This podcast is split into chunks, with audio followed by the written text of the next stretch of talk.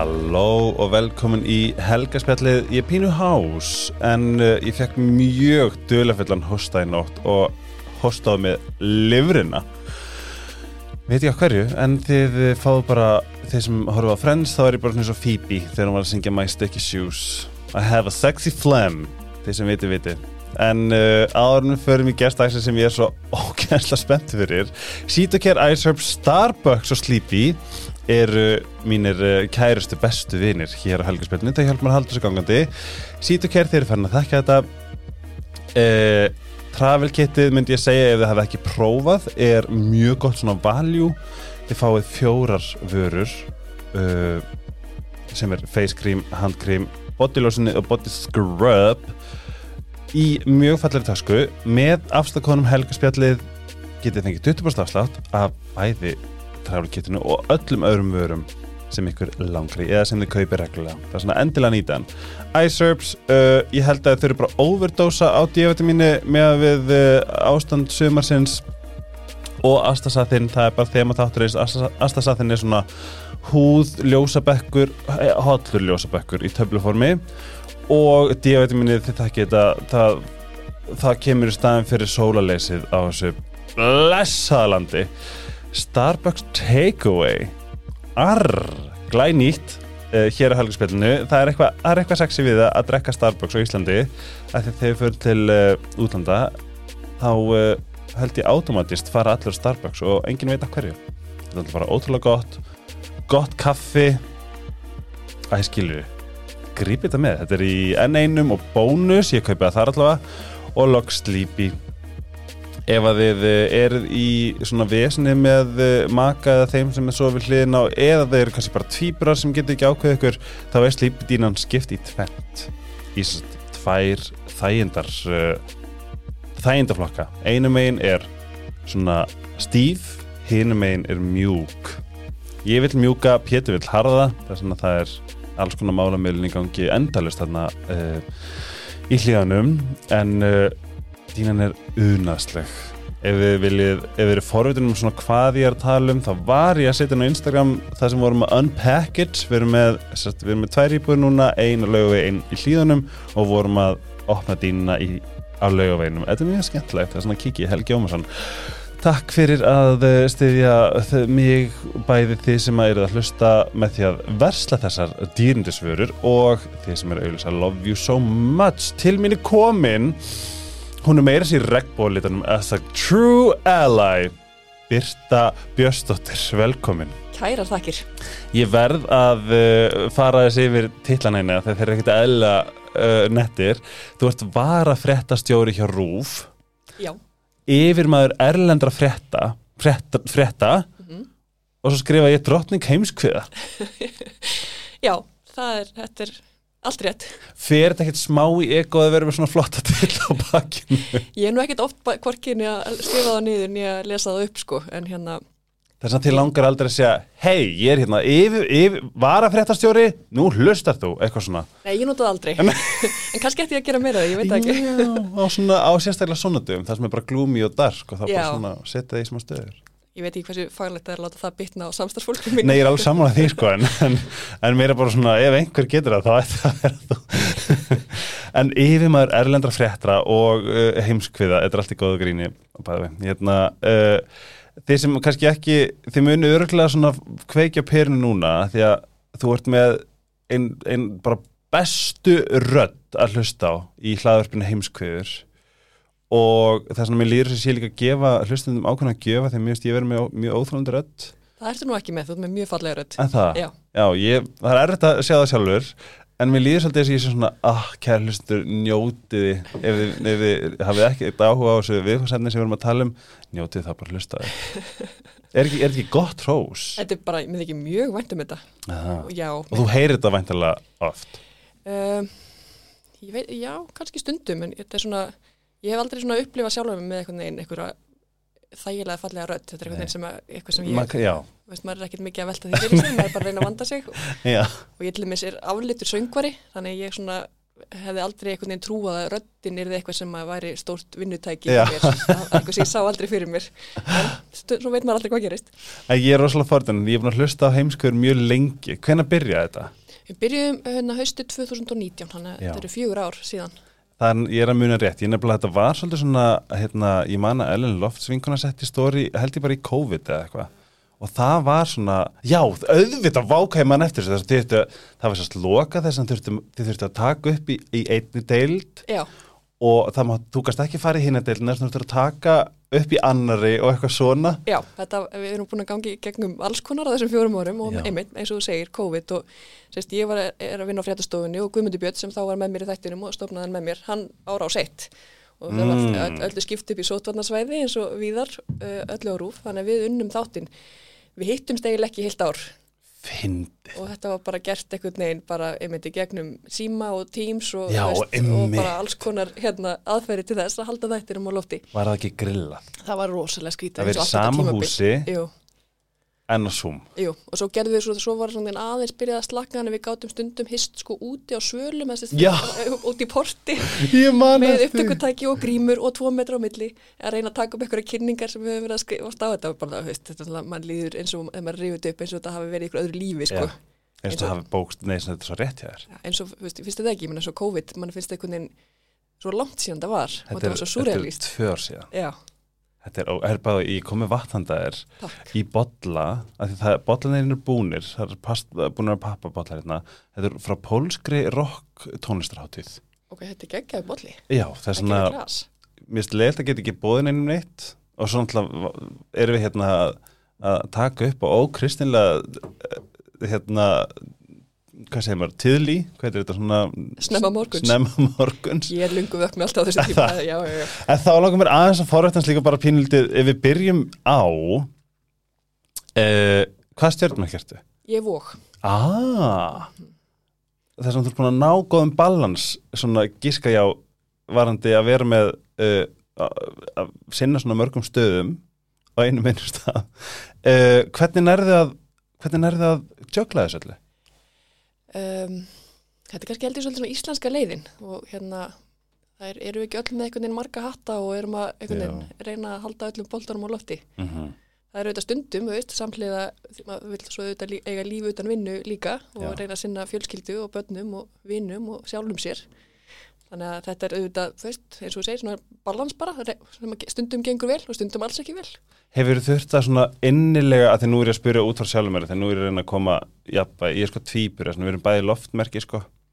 Að reyna að finna balans eða kannski svona í okkar uh, uh, stjörn, stjörnfræðilega eðli. Mm þurft hefur þurft að svona setjast niður og bara svona ok, ég þarf að skipleggja mig bara frá þetta til þetta þá þarf ég að vera búið með þetta þú veist, Nærið að gera það á vinnustað eða, eða er þetta hraðu vinnustæði sem bara svona alls konar poppar upp Og í grunninn er ég mjög skipulögð, ég hef alveg auðvelt með svona einhvern veginn að bara ég myndi vera með lista og, hérna, og veit hver kannski þarf að gera hvað. rísandi meia Það getur verið, já.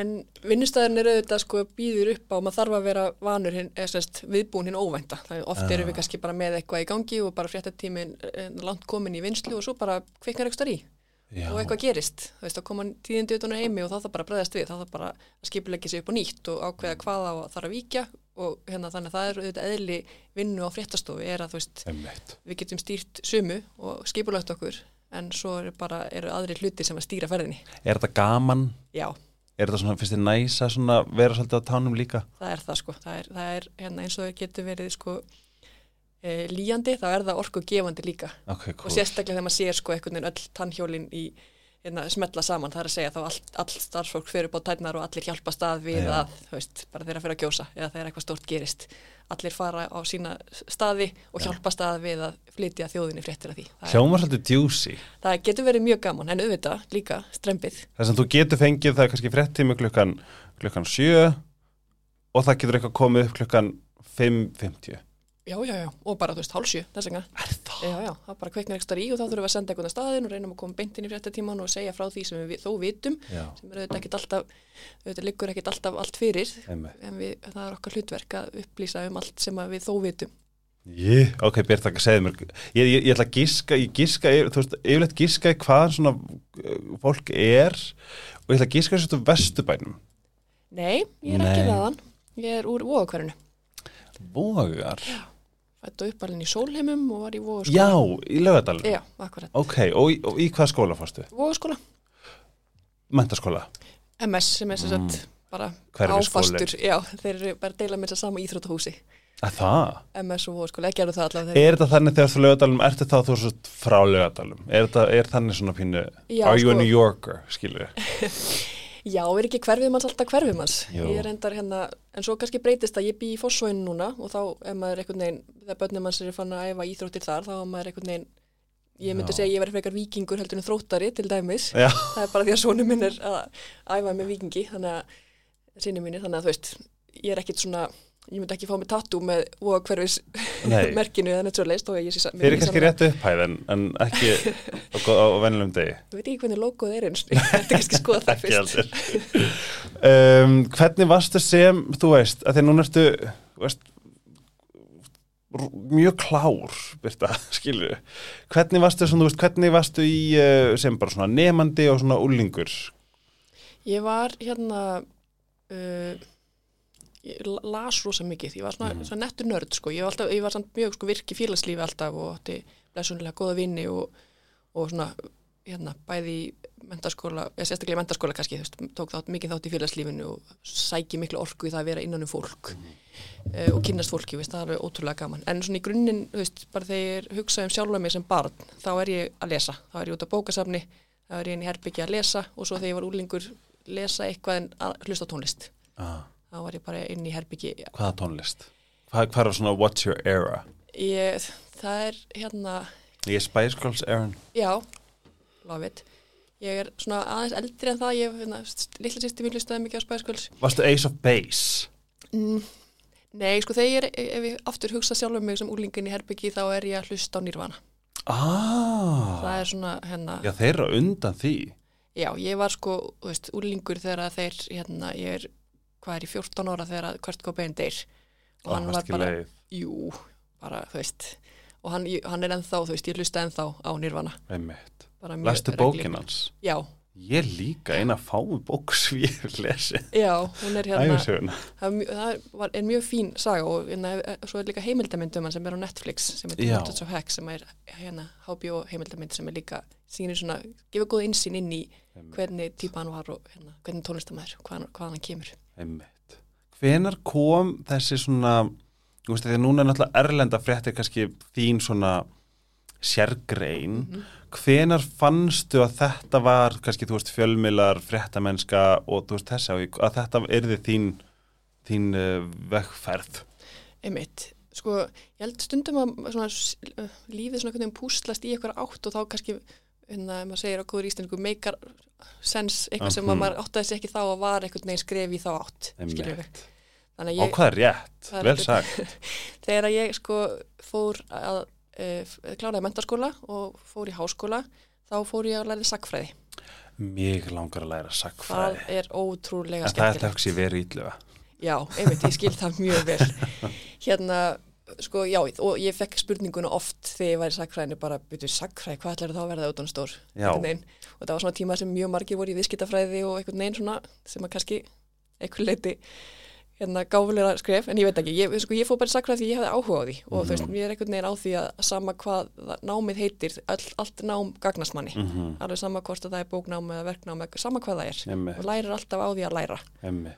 og sérst, þá einhvern veginn kviknar þessi áhugi sem ég hafði reyndar alltaf alveg frá því ég var krakki, einhvern veginn á svona á sögunni, á einhvern veginn hvaða við komum, af hverju hlutnir eru eins og þeir eru Mm og svo fór ég að vinna á mokkanum, minn fjölmjöla fyrir byrjaði þar, ég var þar alveg uh, 11 ár, Já. var á menningadeildin þar lengst af, þessu yfir á stöð 2 og svo yfir á rúf og hérna sett eina, stó- eina stóru ástæðinu fyrir því að ég var spennt fyrir fréttstúru bara því að bæði langa, langaði með að prófa að vinna þar. En þar stóð til búið að vera á erlendu deildinni, veist, það var sér fréttadeild hérna, sem er bara að sinna erlendu fréttum. Og þá einhvern veginn svona eins og seg kemur saman þessi áhugi á sögunni hvaðan við komum og af hverju hlutnir eru eins og þeir eru og svo fréttamennskunni, Sko við kynnumst í stúdíu FM 957 rétt. Og bara svona þér að segja um, hvort það hefur verið áður nú, áður nú kom, nei, eftir þú fóst það fjallu ótrúlega falleg orði þingarð sem persóna og sem í rauninni starfskraftur. Hlý- fyrir það. Já, og mér varst það eitthvað sem ekki svona þú veist svona næs Æ, þú veist, það var, það var svo mikið fílgút skilju, að því að oft heldur maður að þetta sé svona rúf eða stöð tvö en í staðan fyrir að þetta var bara svo gett svona heil, heil, heil, uh, wholesome Já, gaman að heyra það. heilnæmt, er það íslenska orðið Já, er það ekki. heilnæmt og, og þetta var svona algjört fílgút að hérna þegar þú fórst Já, bara svona, takk fyrir það. Það var líka gaman að koma til ykkar. Þið voru, tóku vel á móti mér. Er það ekki? Jú, mjög. Þetta var líka mjög áhugavert við ætlum að þess að fara út í það. Já, þegar lengra kemur. Og ég vonaði að haldi áfram að, að hlusta því að this is gonna be juicy. Uh, varandi, ég veit bara að því forvitin. Sagfræðin er farið yfir bara, bara hérna söguna í heild. Þú veist hvernig, hvernig er þetta eh, nám byggt upp og hvað skrifaður um já, einmitt, sko, eh, námið er byggt þannig upp allavega var þegar ég var, ég sko útskrifast 2005, þannig að það getur nú vel verið að það hafi breyst talsveit síðan þá, en hérna þá er sko, er ykkur grunnkursar, sko mannkinsa 1, 2, 3 og 4 og Íslandsa 1, 2, 3 og 4 Já. og svo auðvitað bara alls konar valfög ah, sem hættir að taka um ákveðin tímabil, ákveðina stefnur. Hvað fannst þið spennandi? mér fannst sko, það er góð spurning. Ég hef alltaf verið, sko, haft áhuga á sko, eldgömlu íslensku, íslensku sögunni? Já, ég, sko, ég var þannig krakki, ég hérna fekk hérna, veistu hvað ég keipti mér fyrir fermingapeningi minn Lagstall Nei, lagsadælu, nei hvað heitir þetta? Laxdælu. Já, næstum því, ég fór út í búð og keipti mér bókina Íslenskir þjóðhættir Oh my god sem er um svona, þú veist, hvernig þú veist, matur var búin til í gamla dag og Já. hvernig fólk kæft upp á jólin og hvernig fólk bjóð sér til En var það skrifað á forn íslensku eða íslensku? Nei, nei, þetta er, þetta er gömul bók en ekki, þú veist, svo gömul, hún er alveg, þú Einmitt. veist, bara vel lestrarhæf. Einmitt Þetta böggaði mig við íslensku um Íslendinga það- sögurnar minnur. Já, og einmitt. svona íslendinga sko um, í mentaskóla og svona að við þurftum að sita og ég myndi lesa lagstæl og ég skil ekki neitt Já, hvað er að ég skil það. En þessi bók er ekki þannig og svona, já, þannig að svara spurningu þá, svar, þá er svona gamla, gamla íslensk sagan finnst mér mjög spennandi en svo bara mannkynsagan í heild, Mhm. þú veist, er, er auðvitað hérna gríðarlega áhugavert fyrirbæri og ka- kannski ekki síst einmitt sí, uh, sagan á síðustu öld. og finnst þið gaman að ferðast og Já. þú veist, Já, rosalega gaman. þetta er bara búið að vera að sko Pétur, hérna maður minn er, hann er sérstaklega klári svona Já, það er svona núna þegar höfum farið til Parísar og Madrid og svona þá veit hann svo mikið og ég veginn aldrei verið í þannig félagskap þess að allt í einu var bara Parísaferð sem átti að vera eitthvað svona romantist bakættuferð var það allt í einu bara hér var Marie Antoinette geimd, hér var hún hengd. Hér var þessi kongur, hér fluttuðu þanga og ég bara, mér fannst það svo geðveikt. Og mitt þema í lífinu er bara svona pínu mannamál að því ég er svona pínu frussari. Og þetta vægt var mikla lukku þegar ég var að deila á samfélagsmiðla bara eitthvað oh my god, sjáu þið, já, ég bara skil það mjög vel þetta er svo skemmtilegt og áhugavert. gjössanlega og bara svona núna veit ég nákvæmlega hvernig hálsökunin fór fram. Já, þú veist hvað hún sagði, að- síðasta sem hún sagði mist, mist svo áhugavert. Og það er einhver áhrifin að vera á staðnum þegar þú veist hvað hefur gerst hana. oh my god, ég lappaði hann götna bara hvað ætlum hún hafi lappað á þessari Einmitt. hvað er þetta gamalt, snert hún þennan vegg þú veist, ég fór líka inn á Ritz út af díunu prinsu. Já, einmitt. ég þótti stega heima sem ég alls ekki. Þetta var ótrúlega áhugavert. En um, svo færuðu yfir náttúrulega bara í störf og alvöru lífi teku við. Um, er þetta þú veist, hvernig nærðu að separata þetta náttúrulega svolítið þungt? Þetta náttúrulega er svolítið þú veist, sagan okkar er náttúrulega helluð og það sem að mér finnst hún hérna vera að hafa gert svo vel er að hún hefur kynnt okkur fyrir ekki bara dullusögunni og hvernig allt virka þetta náttúrulega bara, þú veist genocide og, og sem og góður íslensku er Þjóðamorð, þjóðarmorð og blóðsúthellingar. Hún, hún á líka heiðurinn á mjög miklum orðafóra hjá mér Já, eins og það- blóðsúthellingar. Einmitt, og þjóðamorð. og þjóðarmorð. Nei, það er alveg rétt og það sem hún er náttúrulega líka svo framúrskarandi góði er líka að draga fram sko sögur sem að kannski færri þekkja. Einmitt, um einmitt annarkot landsvæði eða lönd eða einmitt sem eru svona, já, ekki endilega hliðasögur heldur alveg jafn mikilvægar en kannski eru á færra vitorði. Og Já. gerir það svo ótrúlega vel. Og svona falin saga þegar við vitum al- allt um Hitler. Einmitt, en ég held að mjög fáir viti nákvæmlega hvað hva Leopold gerði. Já, sem er kannski, hann er bara í nákvæmlega sama flokku Hitler. Já skilju, er þetta, er, var þetta kent í sagfræðinu, fenguði allt klappið, þú veist Já, svo getur maður valið, maður velur sér kúsa og svo getur maður valið sér, þú veist, hvernig, hvað maður skrifa verkefni og rítgerður um og eitthvað slags. mm, Og þú spurður á hann hvað ég hefði gert lokaverkefni og það var um hérna réttindabárið og samkynneir á Íslandi. Nei! Jú. Og þú ert klætt í fánalit Já, Það er bara, you are the ally I love it já, um, Hérna Já, yfir í hérna Þú veist, erlenda fréttir og hva, hvernig þú svona nærða svona jafnvægi á að þú veist ekki taka þetta endilega inn á og sinna starfinu bara sem þú veist á þínum stað, því það hlýtur að vera líka, þú veist, maður rýmda sér sálfræðingar, þú veist, að geta komið heim og bara skili vinnuna eftir þú veist, getur það? sko, það er stundum alveg erfitt Mhm. og svo er þetta svona, þú veist, ég man alveg eftir dögum, ég man hérna, svona, svo hefa, nein, reyfa atbyrðið mis, mikið við manni, auðvitað maður komið með einhverja brinju og veit einhvern veginn að veist, þetta er bara mitt starf. Mm. En ég man sérstaklega til dæmis svona fyrsta sem kemur upp í hugan var þegar springju árið sem var á tónleikunum á- í Manchester. Já, tón, já, akkurat. Þá var ég á vaktinu og það er svona, veist, til dæmis einna svona, þegar maður sér einhvern veginn myndböndin og veist, veit af einhverju ungu fólki að skemmta sér á tónleikum og svo kemur einhver hriðverkamaður og springir, það er eitthvað svo ömurlegt. Já. Og það var einhvern veginn, það er svona, einmitt, og svo náttúrulega þegar maður er að segja fréttir frá stöðum eins og til dæmis Jemen, Mhm. sem er oft kallað svona glimta landið, sem einhvern veginn er bara gríðarlega örbyrð og ömurligheit einhvern veginn, en svo, þú veist, gerir maður fréttir öðru hverju um, til að segja, að því kom einhverju skýslur um hversu mörg börn er að svelta í hel og eitthvað, og svo finnst maður auðvitað líka stundum bara eins og það svona, fólk svona horfir, svo bara, ah, hvað er leðrætt, já, Og það er annað með svona fyrirgjöf með hérna, þú veist, eins og stríðið í Úkrænu núna og, og, og var auðvitað líka í stríðinu í Sýrlandi sem að mitt gekk á bara og engu enn, veist, að maður svona fær stundum líka á tilfinninguna að fólk hætti að heyra. Veist, við einhvern veginn bara allir fóru að hjörunum auðvitað við innrásina, veist, og svona stundum það finnst mér vera svona okkar hlutverk oft, ekki að vera eitthvað predika eða þú veist, einhvern veginn að auðvitað ekki, en svona reyna nálgast líka eins og til dæmis umfyllunum uh, innrásina í Úkræn og stríði sem þar geisar, einhvern veginn ég veit ekki, þú veist, fólk held í hættir að heyra, þú veist, og heyrir í morgunfréttunum eins að degi, bara tveir fjallu í loftarás ykkur úkrænsku borg, þú ert alltaf bara, oh, leðilegt. Þú veist, þá er það okkar hlutverk, finnst mér að svona reyna að draga aðrar hluti að borðinu, aðrar byrtingamyndi þess að stríðis, tala við fólkið sem einhvern veginn upplifir þetta, tala svona reyna, þú veist, ekki bara að þylja upp hverju dói í hvaða borg, þú veist, þá missir, missir fólk held í smám saman svona einhver tengsl. Ég, það er svona líka mæli ég með heimskviðum að því ég verð að segja, ég hlusta þáttin í gær uh, um stríði þar sem að hún Dagný Já, kom og ég vonir að hún sé að hlusta að því að hún var ég sagði það við þeim eins að þegar þú komst hún var með, hún var svo svona kænd, svona góðmennskur í röttinni Já. og hún lísti sig eitthvað svo vel.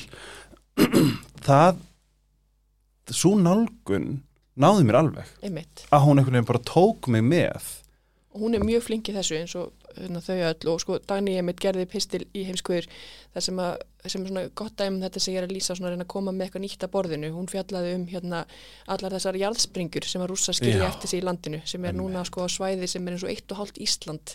Þannig að þó að sko rússarnir færu úr landinu í dag Já. þá svo búið að eyðileggja svo mikið. Þannig að þetta, er- þetta er á sko vinnustöðum og heimilum fólks og bara á ofnbærum svæðum eru jarðsprengjur sem mun taka sko ára tugi að hreinsa upp og þetta er bara svona eitt lítið dæmi um einhvern veginn hliðarsögur, ekki hliðarsögur en svona þú veist, au- aukasögur sem að sannarlega einhvern veginn koma okkur við Einmitt. og skipta máli Einmitt. og er okkar hlutverk vist mér að einhvern veginn að draga borni. Og, og nú veit ég hvort það sé kontroversial spurning en þú veist við, þú veist, ég sé úkrænstriðið sem bara veist, ég, ég sko með tattu af byssu sem er búið að binda hnút á hérna, á, hérna hliðinni. Ok, ég er rosalega og hef alltaf verið mjög svona fríðarsinnaður Mhm. það er svona að fyrst og fremst er þetta náttúrulega bara algjörlega óhugsandi að þetta sé í gangi að því einhver maður, óörugu maður með sko ekostarfið alheiminn er að deyja úr óöryggi og einhverju valdabrjálega þetta er svona eitthvað sem maður bara svona maður getur ekki sett sig maður, bara, maður skilur þetta ekki. Um, er að þetta hafa verið svona sögusagnir og svona alls konar uh, vettvangar sem hafa verið að tala um að, að úkrænustrið er svo sannlega það sem, það sem við sjáum en hvort það liggi eitthvað á baki þú veist, er einhvers konar spilling er eitthvað, eitthvað sem við vitum ekki? Hvernig, hvað, hvað svona hugsaður þegar maður, þú heyrir þetta? Já, þú veist, auðvitað er þetta marglaga og þetta er ekkit í, í þessu frekar en öðrun alveg algjörlega svart og hvít þó að þú Mhm. veist, auðvitað flestir upplifa þetta svona hérna á Vesturlundum allavega eins og þú ert að lýsa. Og maður vildi næstu að þetta væri bara svart og hvít skilur bara, já, Já. bara svona. þetta er ekki bíómynd einhvern veginn með einhverjum hérna, bondkalli og einhver, einhver vondur og góður. Þú veist, auðvitað séu línunar vísna skýrar um þú veist aðdraganda innrásunar og það ákvörðun og hérna, þessi grimdaverk sem hafa verið unninnar þá er þetta auðvitað hérna, og það er annað sem skiptir þá máli einmitt í sko söguna s- þegar þú veist, einmitt Sovjetiríkin liðast í sundur og þetta er svona einhvern veginn hvernig vinnur þjóð úr því, hvað er einhvern veginn, þetta er svona já, ásýr auðvitað miklu lengri sögu heldur en bara einhvern veginn Putin vagnar í daginn og ákveður raðast í að, og það er aftur kemur inn í okkar hlutverk að einhvern veginn veist, reyna að skila því líka til þeirra sem fylgjast með fréttum að þess að hérna, ástæðan fyrir að þetta er svona gæti verið veist, þessi, þessi og þessi. Það sem Einmitt. gerist á undan er þetta og annað slíkt. En það er, þú veist, og þú veist, þetta, það er líka svo dölið þess vegna það er það er einhvern veginn kannski erfið að sjá sjá það eða finna það þú Já, veist. um, e, það sem að hérna og þetta er eitthvað sem, og svo veit, og svo er líka það, veist, að það eru, það eru rattir í, í mismundi hotnum og að því að það, koma alls konar rattir þá svona, er svolítið sem að sé svolítið svona tvistraður, býtu hvað býtu, nú við, hvað, hvað er þetta? Mm er það ekki líka svolítið erfitt að navigata Jú, sem fréttamaður? Það er það og svo auðvitað, þú veist, falsfréttir er auðvitað að hafa mikið verið í umræðinu og það er ekki síst einhvern veginn frá Rúslandi sem er svona, svona staður þar sem er stýrt að mörgu leiti, fólk hefur ekki, ekki ótakmarkað aðgengið upplýsingum eins og við blessunlega höfum.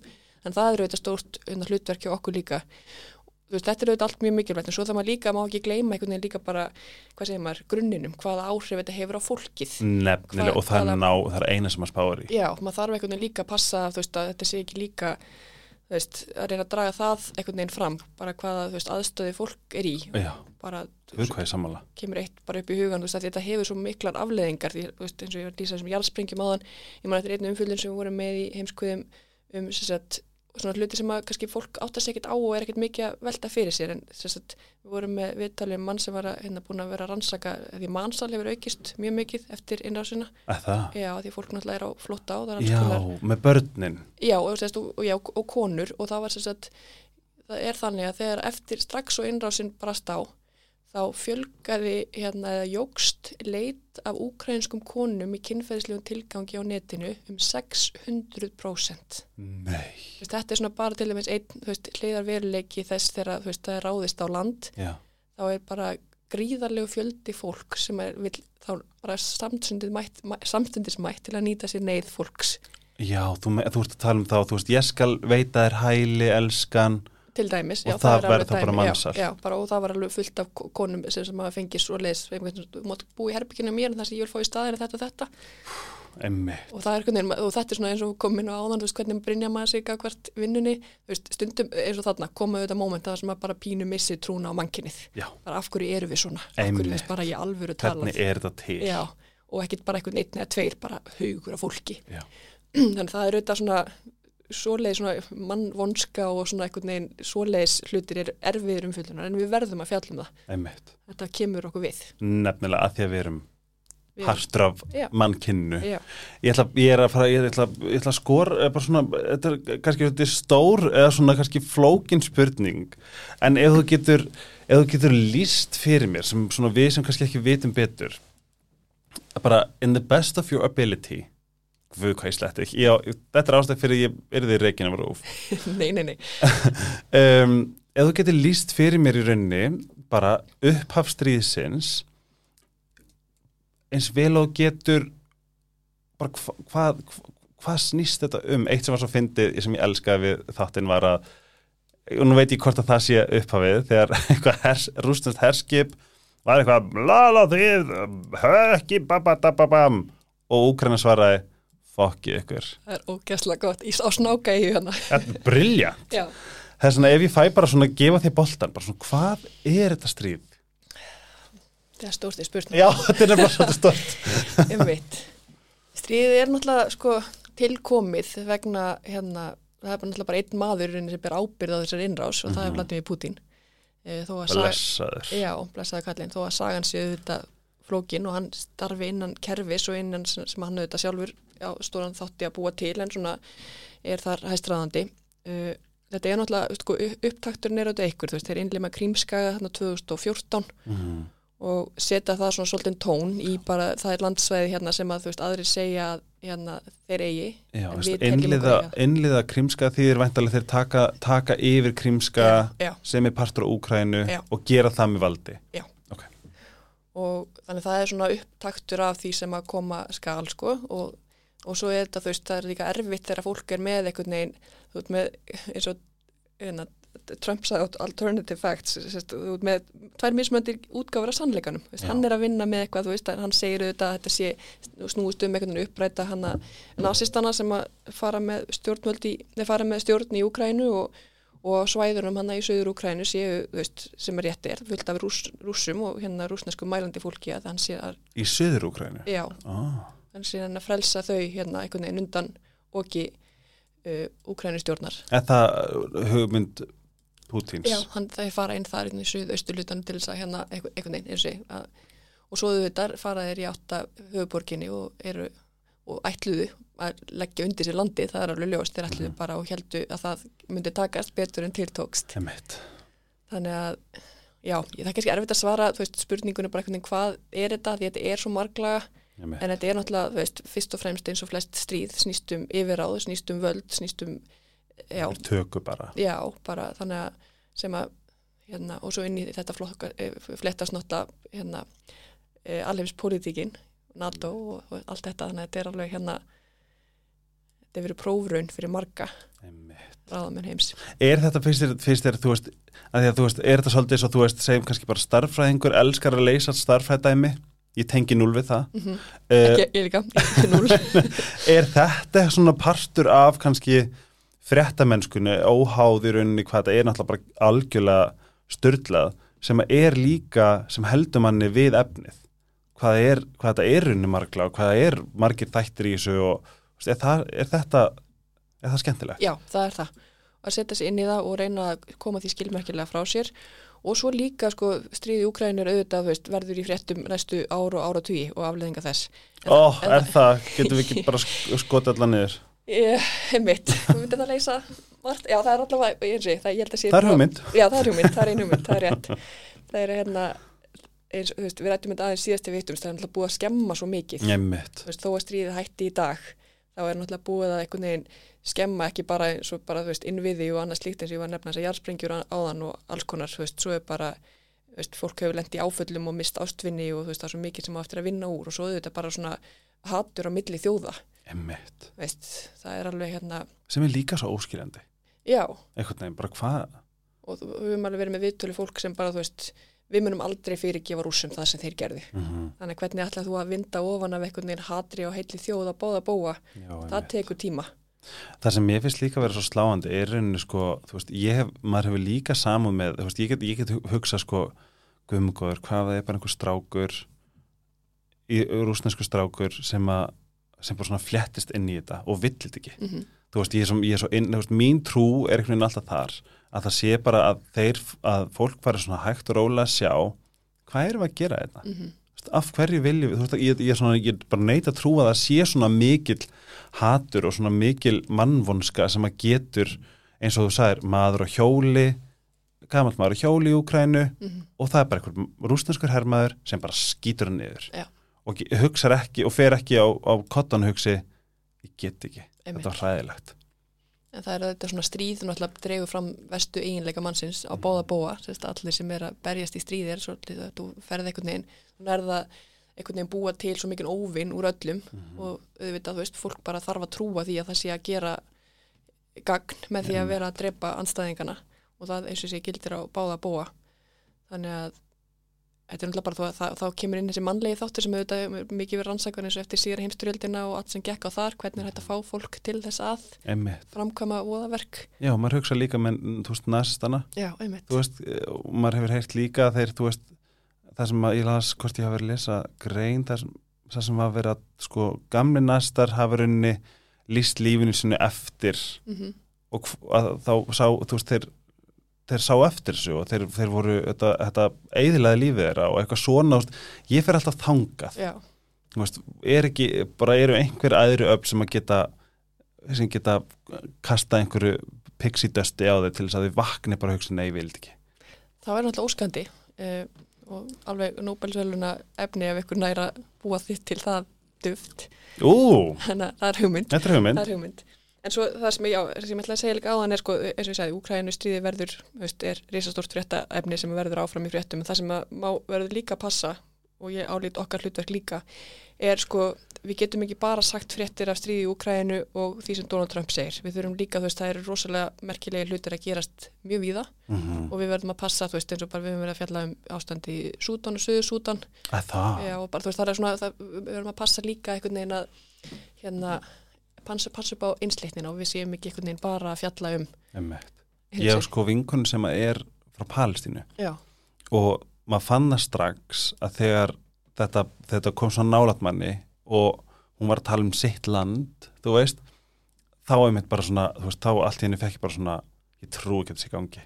Og þá fekk ég líka, þú veist við erum bara með einhvern veginn með Ísrael og í einhvern veginn maður, þú veist, maður svona eiginlega bara svona horfir á það sem bara svona um,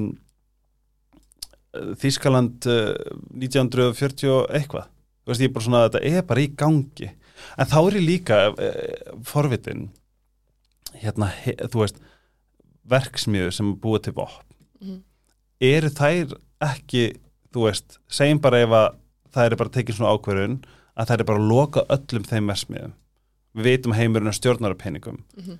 væri það eitthvað að bara það er bara skortur þetta er bara búið það fær enginn að skjóta meiða að gera neitt. Það var auðvitað óskandi. En ég held að sko alltaf einhvern veginn þú veist, þetta er kannski eins og með já, fyrir ekki þú veist, ef að uh, áf, áfengisbann er sett á já, Þá finnur fólk sér leiðir. veist, þá, þá myndast bara svartamarkas brask og annað slíkt. Þannig ég held það væri gaman ef heimurinn væri gæti orðið ég er hann að, finna, að örlítið hugsa betri. lausnum Já, sko. bara ég bara fagna því, það væri þetta óskandi og væri, hérna, ég myndi alveg hérna, vilja taka þátt í því en hérna, já, ég held að það svona, allavega ennþá sé kannski miður. Núna er náttúrulega, þú veist, og, og ég eins og ég, þú veist, það, það tekur tíma fyrir mig veginn til að skilja og þú komst með svo mikið að góðum, góðu fræðslu um það sem er í gangi akkurat núna með Wagner hópin og þennan, einmitt þennan uh, uh, vondakall sem er eins og bara einhverju bondmynd, Príko sín, já. príkosín. Getur þú sagt okkur á eins svona miklu mannamáli hvað, hvað var það? Hvað, hvað, what, what the hell's going on? Hvað gerðist þarna? Því þarna fekk ég bara svona, ú, þarna er einhver vondakall sem ætlar að snúast gegn Putin og stoppa hann. Það er svona my naive thinking. Það er ekki næf thinking, það er hérna, Er það málið? sko, það, það sem gerir þetta mál áhugavert, þessi uppreist sem var hérna síðasta lögadag. Uppreist, veru orð. akkurat. Mm náði ekki þjóðamorði en var uppreist hérna, uh, það sem gerist er þessi gaur, Prigósín hann er kallaður kokkur Pútins oft Kokkur Putins. vegna þess að þeirra leiðir liggja saman þegar Prigósín uh, á og rekur veitingastað í Sandi Pétursborg sem, sem Pútín mætti með hérna, marga tegna gesti eins og Jacques Chirac fyrir hann til Fraklandsforsetta og George Tvöfaldóf Bush þá var hann til fórsetta bandaríkjana mætti með fínu kallana í, á veitingastæðin hans og þú ert ekki að, þú ert, þú ert, hann var í alvörinu kokkur. hann var í alveg kokkur og rak þennan veitingastað Vá, það hljómar pínu svona einmitt mjög bondlegt. Já, það gerir þannig bara og svo, svo, þeim, hérna, þeir einhvern veginn ná góðum vinskap og sem að gagnast hérna uh, honum Príkósín að, hann- að því leiti að hann til dæmis fekk einhvern rísa díl og sem að uh, hann svo voru að sjá um alla skólamáltíðir í stórum svæðum í skólum í Rúslandi þannig að hann hérna þeir svona búið verður til eitthvað viðskipta samband þarna. Mm og svo fer hann sagt, Príkósín hættir í eldúsinu og fer að stopnar þennan hérna Wagner hóp sem er sem sagt, bara herdeild, málaleiða herdeild þeir eru ekki hluti af rúsneska hernum en hérna eru, Sko, málulega til hljóma svo krútlega. ég veit að það og En svona björgunarsveit já, já, já, en við erum að tala um bara í rauninni prífirkahóp. við erum að tala um allavega harðsvíraða eh, glæpamenn og hermenn og þeir eru margir sem sagt þegar innrásin í Ukrænu var þá og mann, mönnuðir hersveitir Vagnes stórleiti með mönnum sem er sátu inn í fangelsi fyrir alvarlega ofbeldisglæpi og máttu koma og losna úr fangelsi til þess að fara að berjast með þeim sem að margir, Gegn Úkrænu. já, sem Já. að auðvitað margir gripu fegins hendi. Og ég held að það verði þannig að þeir, þeir unna, syndu herskildu í eitthvað hálft ár þá bara mættu síðan bara verða frjálsimenn Ah, þannig að sjálfsögðu tóku margir því góða bóði og þeir hafa verið sérst, þeirra, hérna eins og við talum innlimun krímska, þar vor, var Vagnarhópurinn hérna mikið svona, tók mikið þátt en var svona ennþá daldið svona lind kvildi yfir honum. Já, það hefur verið svona þeir, já, yfir honum og yfir þessum Vagnarhópi. Þeir hafa verið meira ábyrrandi núna í innrásun í Ukrænu og barist þarna alveg hérna samhliða rúsneska hernum. Uh, hluti af því sem það gerðist síðan við þessu uppreist er sérst það hefur verið svona til tals að hérna sammeina sérst að Vagnarhópurinn færi undir rúsnesk hermála yfirvöld og rúsnesk stjórnvöld sem að Príkósin var ekki ánæði með hann er hérna gríðarlega ósattu við Vardamálráðar Rúslands og við hérna e, yfirmann hermála þar, yfirmann hersins og hann segist ekki vera eitthvað uppsíða við Pútín hann segir þessi tveir séu svona ekki starfið sínu vaksnir og Já. hafi stýrt einhvern veginn innrásinni í Ukrænu sem eitthvað svona hlutaklu valdagræðiki eldsnögt Mhm. hvernig fjármagnar hann í rauninni her öll, þú veist byssurnar og, og allt þetta er það frá hérna, og, hjálparnum já, hann gerir það og svo bara eins og svona bara glæpahópar eru fjármagnaði, það er bara með hérna ýmsum mislöglum, já, ýmsum bröðum hérna, og það sem, sem gerði þetta svo áhugavert þessa uppreisn er sagt að eins og ég segi, þeir hafa átt bara farselt langt samstarf þeir félagar, Putin og Prigozhin uh, og þeir hafa barist þannig hlið við hlið, þar að segja er, er, er deldir Vagnars og, og rúsneski herin og rúsneski Vagnarhópurinn snýr svo bara við í staðan fyrir að vera að herja áfram á Úkrænu þá snúaði bara við og fara hérna ná borginni Rostov við Don hérna sem er Rústensborg Rúsnesborg, já, sem er hérna sem að kannski margir Íslandinga þekkja því að Ísland kefti á móti króutum þar þegar kallalandsliði var að keppa á HM 2018. Já, og e- e- var Ragnar Sig að spila í Rostov? Já, ég meit, ég man ekki hvaða liði hann var. Hann var ekki í Rúslandi, jú, ég man ekki, það getur vel verið. Ég held nefnilega þetta hljómar kunnulega því hann er nýbúin að vera á FM Já, einmitt, það getur alveg verið. Ég þekki það ekki, en, hann, en þetta er allavega sérst staðurinn sem að Ísland, og hvað gerðu þeir þar inni? þeir bara sérst náðu einhvern veginn, ná, náðu stjórnið þar og byrjuðu svo að marsera upp til Moskvu. Og hvað, þú veist, bara svona, nú fyrir ekki að ég er bara svo fariðin, þegar, þegar, nær yfir borg Rostov, hvað, hvað þýðir það, þú veist, er þeir, þeir eru ekki, er þeir, þeir eru vantilega ekki að drepa fólk, eða, eða þú veist, þeir eru vantilega ekki að, nei, þetta sé ekki meira bara svona einmitt, þeir mæta hana með einhverja skriðdrega og vopnaðir og bara, allir hættir, já, og allir Já. bara svona pakka í vörn, já, eins og maður myndi eðlilega líklega að gera en þetta myndi gerast hérna í kópáinu. grafa hólu, Já, bara einmitt, maður færi nú ekki að fara ég að vera með mikinn derring, held ég, við já, vopnaðir. kasta eggjum og eitthvað. Nei, ekki, ekki til að byrja með allavega, held ég. það er ekki fyrstu viðbröð. En er það, þú veist, það það ekki svona svona, aaa, svona, svona, svona smá merkjum svona býtunum við?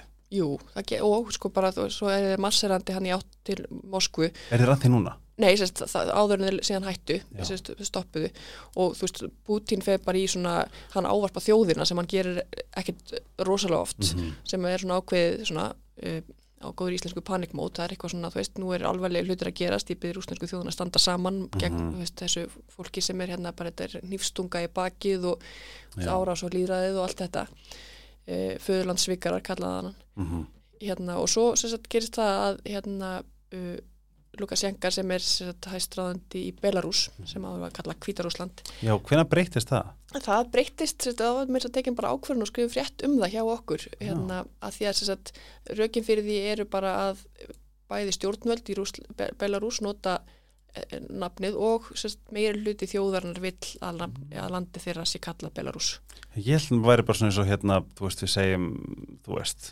Switzerland en við segjum bara Sviss. já, einmitt. Ég held að það væri svona skilur, já, einmitt.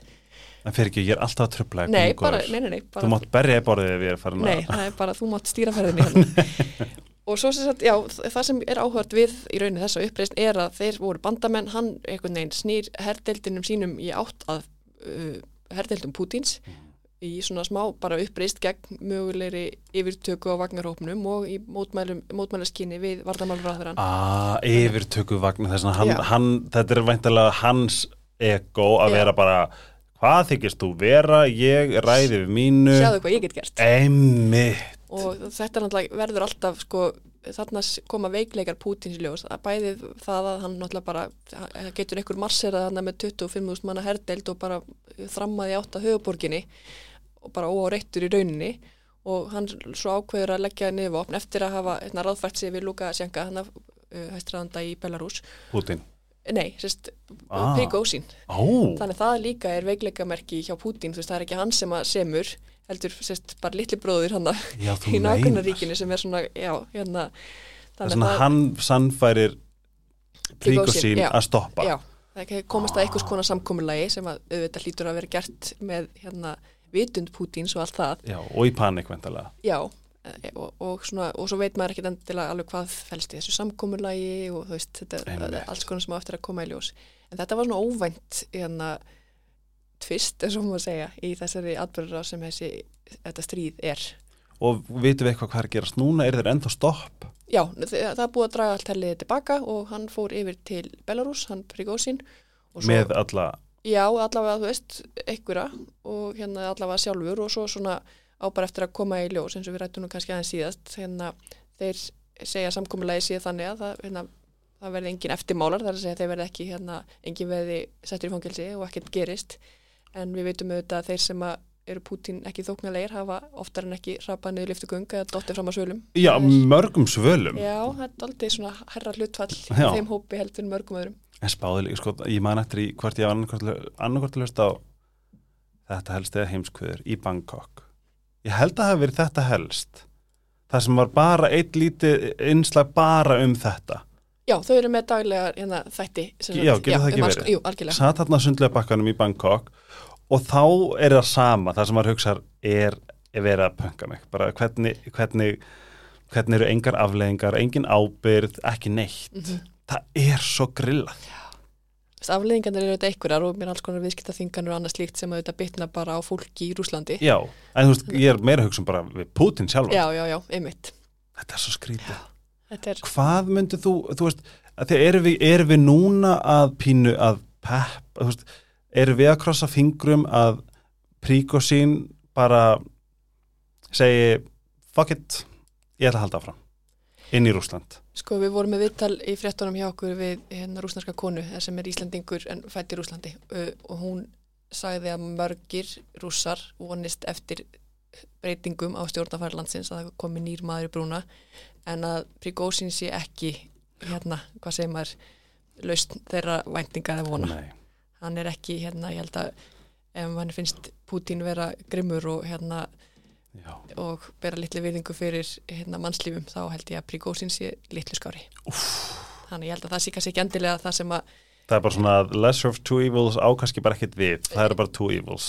já, allavega þess að segja, ég held að það, hérna, það er ekki margt leist í Úkrænundilin til dæmis ekki nema kannski veist, hann hefur, hann hefur gaggrind Prigozhin uh, rúsa fyrir að bara vera of linir í, Ah. og bara ekki, ekki ganga nógu hart fram Príkosín? Já. Oh.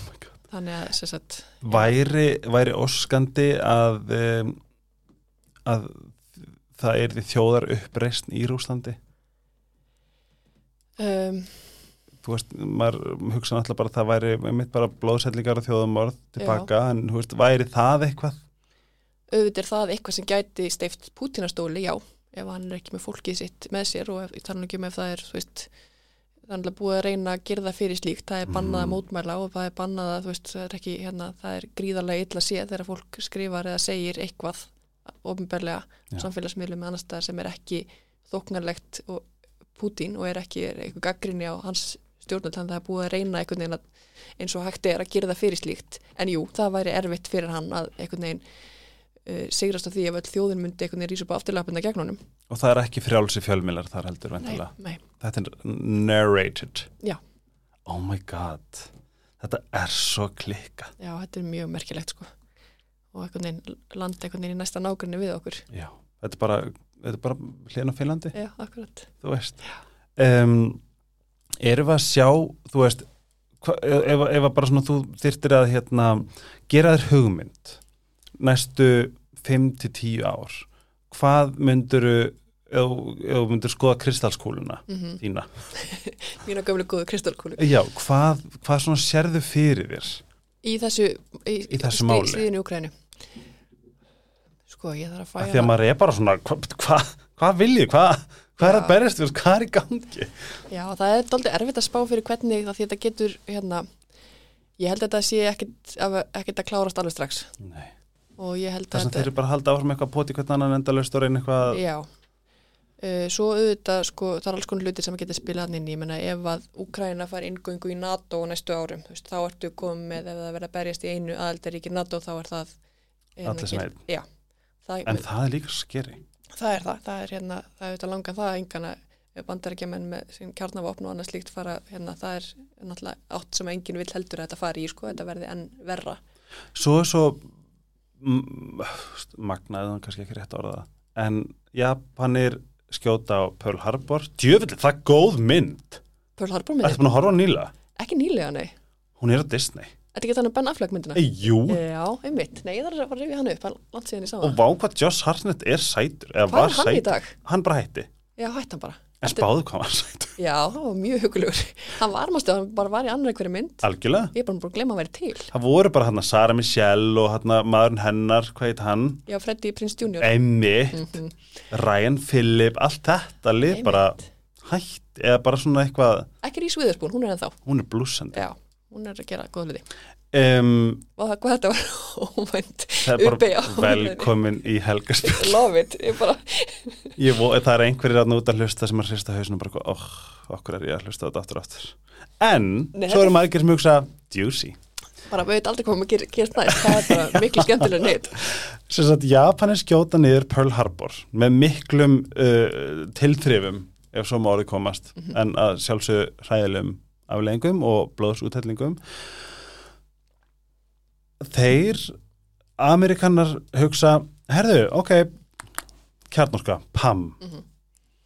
Nagasaki, Hiroshima, búið, hvítfáni kemur upp að hálfu Japana. Þetta hljómar svona, þetta, hljó, er náttúrulega, veist, maður tekur náttúrulega alla tilfinningar út úr þessu að þetta bara, maður tala um þessi tölvuleikur.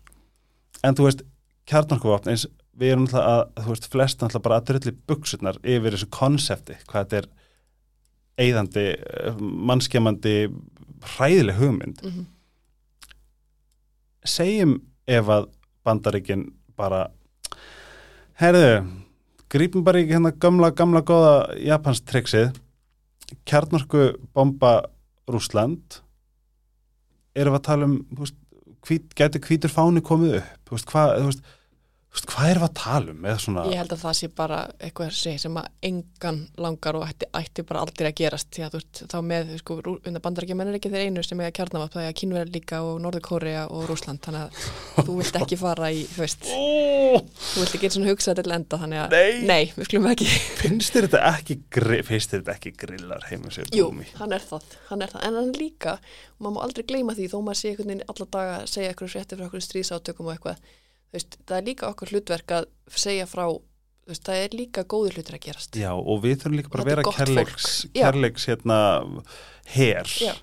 Þú Veist, hann skiptir svo miklu máli líka. Já, Allir þeir sem eru þar, veist, að láti sér heyra. Mhm. Ég held um að það sé pínu vant með farið í sérstaklega löndum sem eru með free speech, mhm, frjálsa,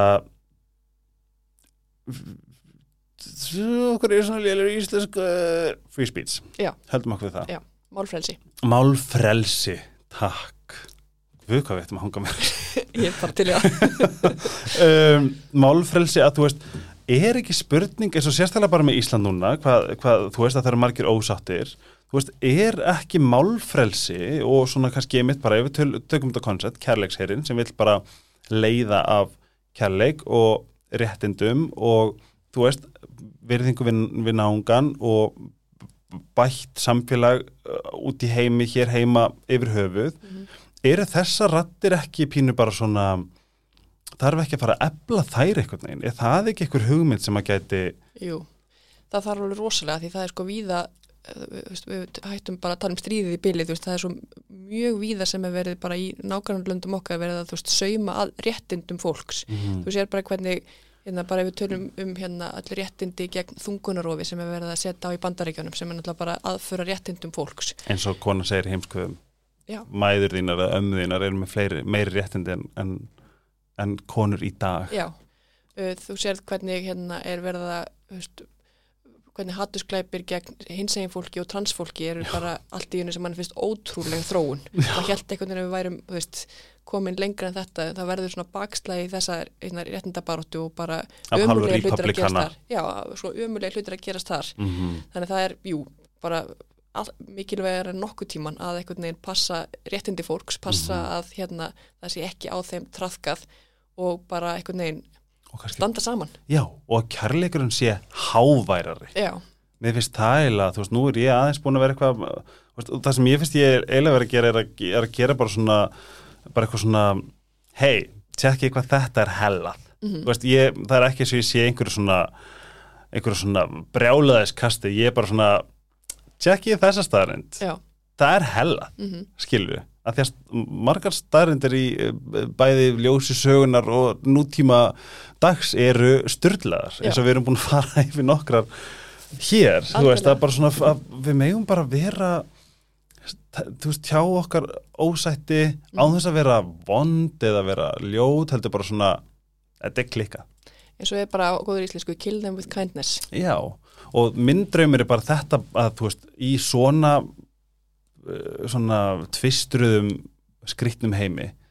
að það sé einhver, einhver svona hérna innblástur og, og kvartning til þess að efla þá þessarattir í Mm. saminningu og að það sé að það, það verði kannski líka, þú veist, ríkjandi afl, af því að oft erum við svo inn í okkur og feiminn og það er alveg rétt og ég, ég held að stór hluti af sko, lausninni uh, sé skilningur. Það er að segja við Mhm. skiljum hvort annað, við skiljum aðstæður hvors annars og þú nefndir aðan vinkonina frá Palestínu veist, og ferðarlög veist, ef, við, ef við ferðum, saman hvort það er bara með því að lesa bækur og lesa fréttir frá löndum eða ferðumst bara líkamlega áförum á staði, veist, kynnumst fólki, tölum við fólk sem að kemur úr öðruvísi upp, upp, uppruna en við býr við allt öðruvísi aðstæður þetta er allt bara st- stór hluti af hverju erlendarfréttir eru mikilvægar mm -hmm. og hvernig þeir eru gerðar skipti máli. Emmitt, og bara liggur hjá okkur öllum að setja okkur í spór annara og skilja hvort annað. Emmitt það skiptir bara alveg rosalega miklu máli. Það er rosa auðvelt að setja eitthvað að vera bara vákvað þessir eru miklu fáutar Já, en ef þú reynir að setja það inn í af hverju er, hérna, af hverju er þessi hræðsla við allt í einu hérna, hverju verður að reyna að mynda, banna konum í bandaríkjunum að fara í þungunur og hvað, skilur, hvað, hvað liggur hann að baki? Emmitt við getum alveg setja og verið bara vákvað þau eru mikil fíbl Ég held ég viti það. Já, Ég held að sé að þetta er, þetta er svona koncept sem er í mikið hérna, sem er algengt hjá hérna, fólk með ofbildshæðun sem er bara deflection. Já, skilur, hvað er verið að skýla? Það er verið að beita aðteglinni eitthvað annað. Til þess að eitthvað annað komist ekki upp á yfirborðið sem að hendar ekki elitunni, já. Þú veist ég held að stór hluta, ég held að segja rétt og ég held að sé- stór hluta þessi líka sko að reyfa kostningafylgi Já, bara að þú veist, þú getur þart að skera þig frá hinnum með einhverju sem veist að tryggja atkvæði hjá ákveðnum hópum. Einmitt, eins og Trump sagði sjálfur, ef ég myndi einhvern tíman hérna, run for president, þá myndi ég hérna, gera það sem republikana því að þeir gleipa allt sem er sagt. Mm. Sjö hvað gerist. Já, bara, hann bara, "I'll build a wall. Og þá bara varð þessi maðurfokkar fórseti Mhm. Og við sjáum þetta líka hérna heima og við sjáum þetta heldur bara, þetta er heldur bara svona út um allan heim Já. En það, þarna kemur hann aftur, eins og við erum að tala um að bara svona hérna, skilja Já. og átta sig á hérna, ástæðum þess sem byggja hérna baki. sjá í gegnum Já, og, og vera hérna opinskár með það Já. og kannski gera sömu kröfu á móti að fólk skilji við setjum okkur spór hvors annars saman hvoru megin við erum. Ég, það sem ég finnst líka vera svona það sem ég, núna þegar maður er búin svona komin aðeins inn í hérna mál, mála, eitthvað svona að ég finn líka hvað er mikilvægt fyrir til dæmis bara mér persónulega að aftengja til dæmis að þú veist mitt bara mín gildi er að bara elska náungan að vera einmitt ekki váka það sem ég vil fá þetta heldur hvað leikur á baki. Mhm. þú veist, að vera heldur ekki þú veist eins og bara með, þú veist, kannski flokka sem ég er ekki sammála, þú veist, að vera að ná að aftengja, þú veist, skilabóðin og kannski personin á bakvið, því að þarna eru bara kærleiksvíkir foreldrar og, og vinnandi fólk og döglit fólk og gott fólk og besta fólk og betra fólk í kannski flokku sem að, sem að standa fyrir eitthvað sem ég er ekki sammála. Já, þú veist, ég og þú getur verið ósammála með eitthvað en við getum samt alveg verið vinnir þú veist, við getum, við, þú getur sagt bara nein, finnst það algjörlega gali og ég er bara svona nein, veistu, mér finnst það ekki. Og svo bara halda það að drekka bollan já, mér finnst það líka ákveðin tækni og svona ákveðin nálgun sem er líka mikilvæg Mhm. til þess að verða ekki þessi svona tvistringur og þetta svona sundrung. Sundrungur. Einmitt. og það er svona fyrir einmitt, skilningur og umburðalindi þú þú mátt alveg hafa aðra, aðra skoðanir en ég. Og það Einmitt. er bara allt í lægi veist, ég þarf ekki að þröngva mínum skoðanum á þig eða reyna að fá þig til að sjá heiminn með mínum augum. Nei, og, en, en ég þarf samt að hlusta þú veist, bara ok, ég heyri að þú sért þarna, mm hérna, ég þarf bara virðingu fyrir því. Já, og bara myndi geta, það er reyna þá að krefjast þess sama, skilja, við getum átt bara við, við þurfum líka einhvern veginn, við þarfum að passa það líka einhvern veginn í, uh, fréttastofur þurfum að gera það til dæmis, veist fólk er bara alls konar og með alls konar skoðanir og alls konar einhvern veginn og maður getur ekki verið einhvern veginn bara, já þessi hafa rámt fyrir sér og þeir eru idiotar, já. Það er ekki hægt. Þú ert að hlusta. Og ég hef líka þetta er ákveðin leið til þess að vernda sko eigin bara frið mm skilur, að því að ef að, ef að sko ég fann að, ég, veist, ég var ekki svona ég var rosalega, hérna rosalega, hérna ég, mér er mjög svona andum, þú veist, eins og hérna, þú veist, hvernig til dæmis, mér finnst til dæmis gay kultúr vera, hérna, ekki rosalega heilbriður kultúr að mörguleiti fyrir til dæmis unga fólki okkar sem eru að koma eins og hommarnir sem eru að koma inn á einhver upp sem eru bara ekkert góð fyrir það, eitthvað svona alls konar mm -hmm. sömulegis sem feministi en eftir að ég náði að átta mig á þessu að, að þeim allir mig, að finnast þetta Mhm. og það er bara ógislega valid ég hlusta á þína skoðun og ef ég ekki tekið eitthvað úr henni og einhver rök sem að geta veist, bætt mig og, og svona að, sé stærri myndina. Og svo vonandi öfugt en that's none of my business einmitt, skilu þannig næ ég að vernda mig algjörlega frá því að bara líða ítla eða vera reyður eða ert ekki að djóka? skilu einmitt Svona, þetta er eitthvað svona sem ég verði til í allir myndu skoða. Já, ég er sammála og svona, ég held að það sé alltaf hættulegt ef maður er bara sjálfur í sínu bergmálshelli og Já. sem að, maður umgengt bara fólk sem er engungu nákvæmlega sömu, sko, sömu skoðanir en maður sjálfur. Enni. Ég reyna að gera þetta eins og ég er á Twitter og reyna að fylgja líka fólki þar sem að ég er hjartanlega ósamála en bara til þess að maður þarf að hlusta, maður þarf að heyra og þarf að vita að einhvern veginn að hitt er um, líður nákvæmlega eins og mér og sér heiminn bara með nákvæmlega sömu en það er ekki, þú veist, þannig er ekki heimurinn bergmálshellir er geggja konsept.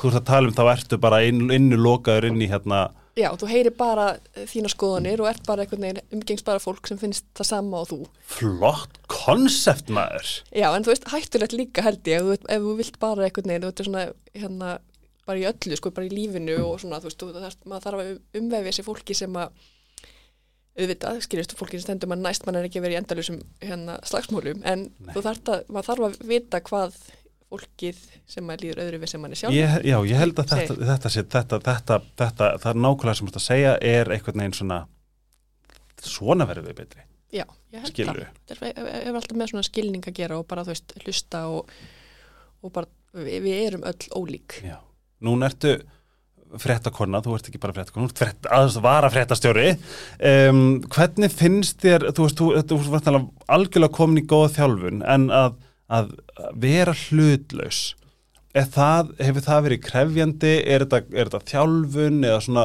getur þú að fara heim til, til hérna maka eins og verið bara ok, ég verið bara að segja þetta. Þú veist, hvernig hvernig navigetur það? Já, það er alveg hérna, ég myndi ekki að segja að það væri erfitt, ég er ekki, veist, ég hef ekki þörf fyrir einhvern veginn að skrifa langa Facebook statusa um hvað mér finnst um þetta og Nei. hitt.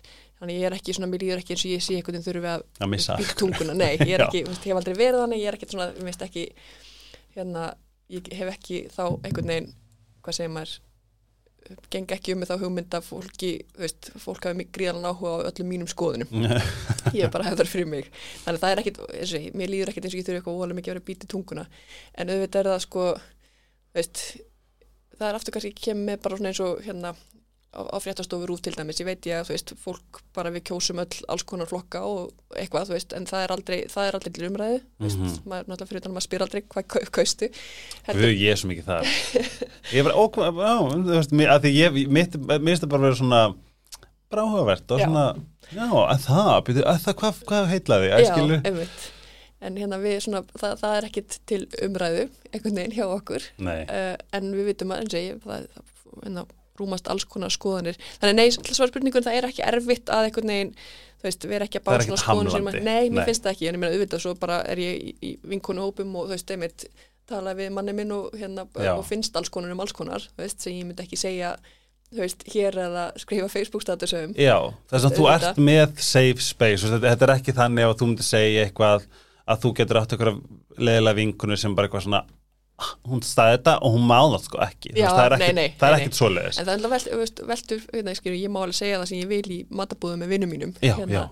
en ég myndi eins og segja ekki skrifa kannski Facebook status um það. Já, en svo er ég líka svona, þú veist, eins og segi ég, er, ég hef aldrei verið einhvern veginn svona þú veist, hérna, hástafa típa á liklaborði, þú veist, þannig ég svona er ekki ég er, mér líður ekki eins og ég þurfa að halda gríðala aftur af mér, Nei. einhvern veginn ég, ég sé mér svo sterkar skoðunir sem að flæði einhvern veginn, hefur íhuga hérna forsetis frambóð nei, það hef ég ekki gert.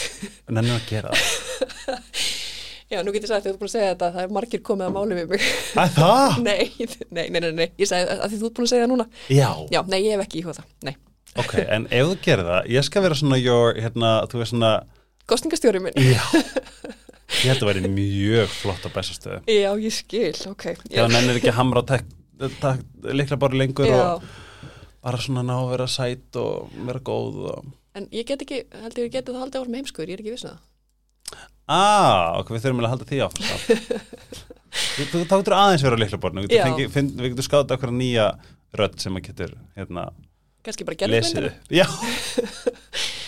Eitt sem að, það er eitt eitt í loki sem að ég verð að spurjum og, og ég veit ekki hvort það sé kontroversiált af því að uh, það var gerð könnun um, TikTok. Og Rúf er sérstaklega gott á TikTok ef ég má segja. Og ég man ekki hvað hann heitir sem að Ingun Lára Kristjánsdóttir, mikil snillingur. Virkilega. Við erum alveg ógæsla ána með hana og allt sem hún er að gera hana já og ég fer ekki bara að djösa vinna fer í þetta maður. Já, um, að því að sko er, þetta er svona kannski margþægt á TikTok finnuru alls konar upplýsingar sérstaklega eins og bara með veist, Ameríku og veist, Epstein og bara svona, allt svona mjög hellað stöf sem er í gangi samkvæmt þeim Mhm. þú veist, og þú veist, það er einhvern svo eru líka að sjálfsögðu tilfallsfréttir Mhm. það, við vitum það alveg Putin er sannlega búin að reyða braut fyrir það um, og svo venjulega fréttir og þú veist, þetta, þetta, þú veist TikTok er ótrúlega mikilvægur þáttur í fréttamennsku í nútíma samfélagi já, og heims samfélagi mhm, þar sem fólk er að fá upplýsingar. Veist, er þetta, hvað hva, hva finnst þér um það svona, er þetta, er þetta og, er, að, veist, það er mjög mikið talað um eins og í Ameríku, mainstream media. Já, ég vil ekki meina að þetta koncept eigi við Ísland, af því að þú veist núna er ég sérstaklega mikið búin að hlusta fréttir. Og hérna og, og margt sem að ég eh, leita af er í fréttum. Mhm, og mér finnst það að vera, þú veist, þá er maður bara hvað, thank goodness. Um, en í Ameríku þá er, þá er náttúrulega eru komin á allt annan pól, allt annan handlegg um að að hérna, að þú veist það er einhver þú veist, nú mann ekki, svona roth eða eitthvað svona einhver, einhver hátt sett dæmi mhm, sem að á mikið af þessum hérna CNN og eitthvað svona. Það var, það var hérna vídeo þar sem að í rauninni það var verið að tala um um fake news eða, eða fact check eða eitthvað svona. Mhm, þar sem að misunandi fréttaþölur voru að fara með sama handritið. Já, og það sem að gerði mann svona hmm. Já, eins og ég, í, í sannfæningunum mér bara svona í hjartanum mínu veit ég að þú veist að hér, þetta er ekki þannig hérna. Það er svona það er kannski ekki endilega sem við þurfum að ræða neitt þannig. En, og þú komst líka inn á það þú, þú veist, að þú finnur ábyrg fyrir að það þarf að, þú veist, Úkrænum má ekki gleipa umræðuna, það þarf að líka fara mhm, yfir á aðra póla þú veist, sem er bara náttúrulega nákvæmlega það sem viljum, viljum heyra. Um, en þú veist þetta svona konsepta utan, veist, hvað er þetta? Stafar ógn af TikTok eða af einhverjum svona einhverjum svona upplýsingum eða hvernig svona, hvernig lík hafið þið eitthvað rætt þetta, hvernig já, er? við höfum rætt þetta mikið og þetta er náttúrulega ótrúlega áhugaverð þróun. En þetta er svona hluti af, sko, þetta er bara þróun sem er að eiga sér stað og maður getur ekki einhvern veginn bara loka dyrunum og vona að, Að hverfi. nei, heldur bara, þetta er eins og allt, þú veist, bara nýta það til góðs. Emmi ástæðan fyrir því að við vildum að fréttastofa rúf væri uh, áberandi á TikTok og tæki þátt í því var bara út af þessu, við vitum að ungt fólk notar hérna uh, TikTok mjög mikið til upplýsingaöflunar.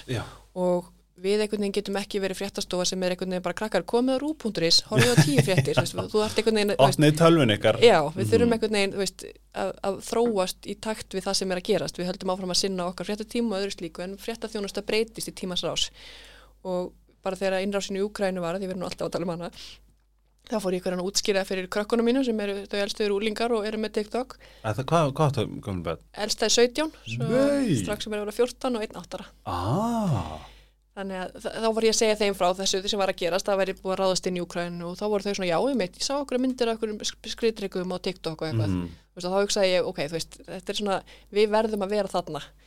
Og hérna, og það var svona sem búin að, þú veist, við vorum með þær hugmyndir svo sem áður og hérna, Ingur Lára hefur gerð þetta listavel. Jésús, bara hver sér um góð í að gefa launahekkunar þegar hún áðægilega skilið Já, hún er alveg ótrúlega klár og góð í þessu. og fyndin. Og fyndið fyrir utan það náttúrulega. En það skiptir bara máli, þú veist, að einhvern veginn hérna, eins og ég segið, við getum ekki verið einhvern veginn að suða í fólki, þú veist, ungu fólki að horfa á tíu fréttir í sjónvarpi, heldur hérna, halda áfram að sinna þeirri þjónustu en líka bara aðalega okkar þjónustu að þeim, þú veist, þið eigið öll, við eigum öll rúf Einmitt. og við eigum að einhvern veginn eh, okkar hlutverk er að segja fréttir og flytja fréttir alltaf aður heiminum.